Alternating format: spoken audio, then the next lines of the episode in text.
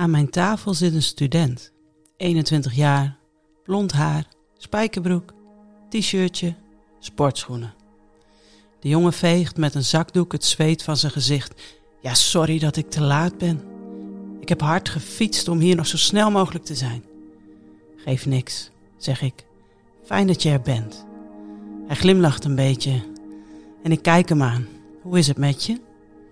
Ik zie dat hij zich een split second beraadt wat hij zal doen. En dan neemt hij een moedig besluit en hij zegt: Ja, kan beter. Ja?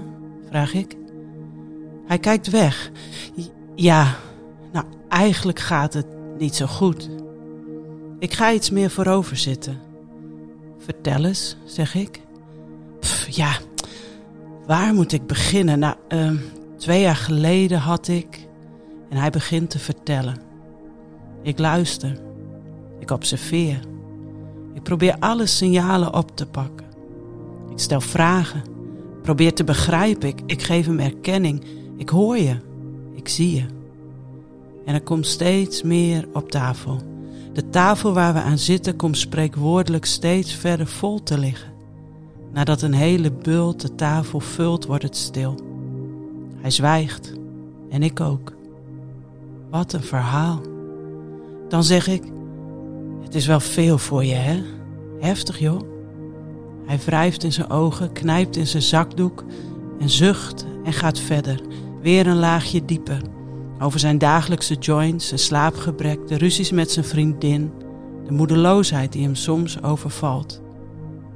En er is ook nog wel meer hoor, maar daar wil ik het niet over hebben, besluit hij. Ik knik. Dat is helemaal goed. Als jij deze jongen tegen zou komen, zou je misschien niets merken. Ik zag hem laatst nog op de gang staan met een paar anderen, gewoon gezellig. Niemand had iets door. Maar hier aan tafel neemt hij de uitnodiging aan. Hier aan tafel weet hij dat hij welkom is met zijn verhaal. Hier aan tafel voelt hij de vrijheid om tevoorschijn te komen. En ik, ik voel liefde, compassie en dankbaarheid. Ik besef dat door mij heen en door jou heen Jezus aanschuift bij onze gesprekken. Hij zit ook aan onze tafels. Zijn aanwezigheid is in onze ontmoetingen. En waar Jezus is, gaan mensen open. Heb jij dat ook wel eens gemerkt? De liefde van Jezus, de compassie van Jezus, de genade van Jezus wil zichtbaar worden door ons heen. Aan tafel met Jezus is het goed. Zelfs de nacht voor hij verraden werd, was Jezus aan tafel met zijn discipelen. En daar, aan die tafel, was ongeloof, gebrokenheid, competitie. Zelfs de duisternis was aangeschoven. En toch ook toen liet Jezus liefde zien hij heeft hen lief gehad tot het eind, staat er. Hij diende hen allemaal. Waarmee mogen wij de mensen aan onze tafel dienen vandaag? Een mooi gesprek, een bijzondere ontmoeting, een gebed, een wonder. Want als ik iets proef in de ontmoetingen die ik heb, dan is het dat er zoveel meer nodig is van God.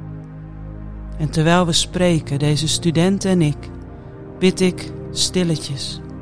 Heer, meer van u. Hoe mag ik nog meer van u brengen aan deze tafel? Leid me maar. En eerlijk gezegd, terwijl ik dat bid, voel ik me ook even kwetsbaar op dat moment. En dat is goed, want met twee kwetsbare mensen aan tafel kan God grote dingen doen.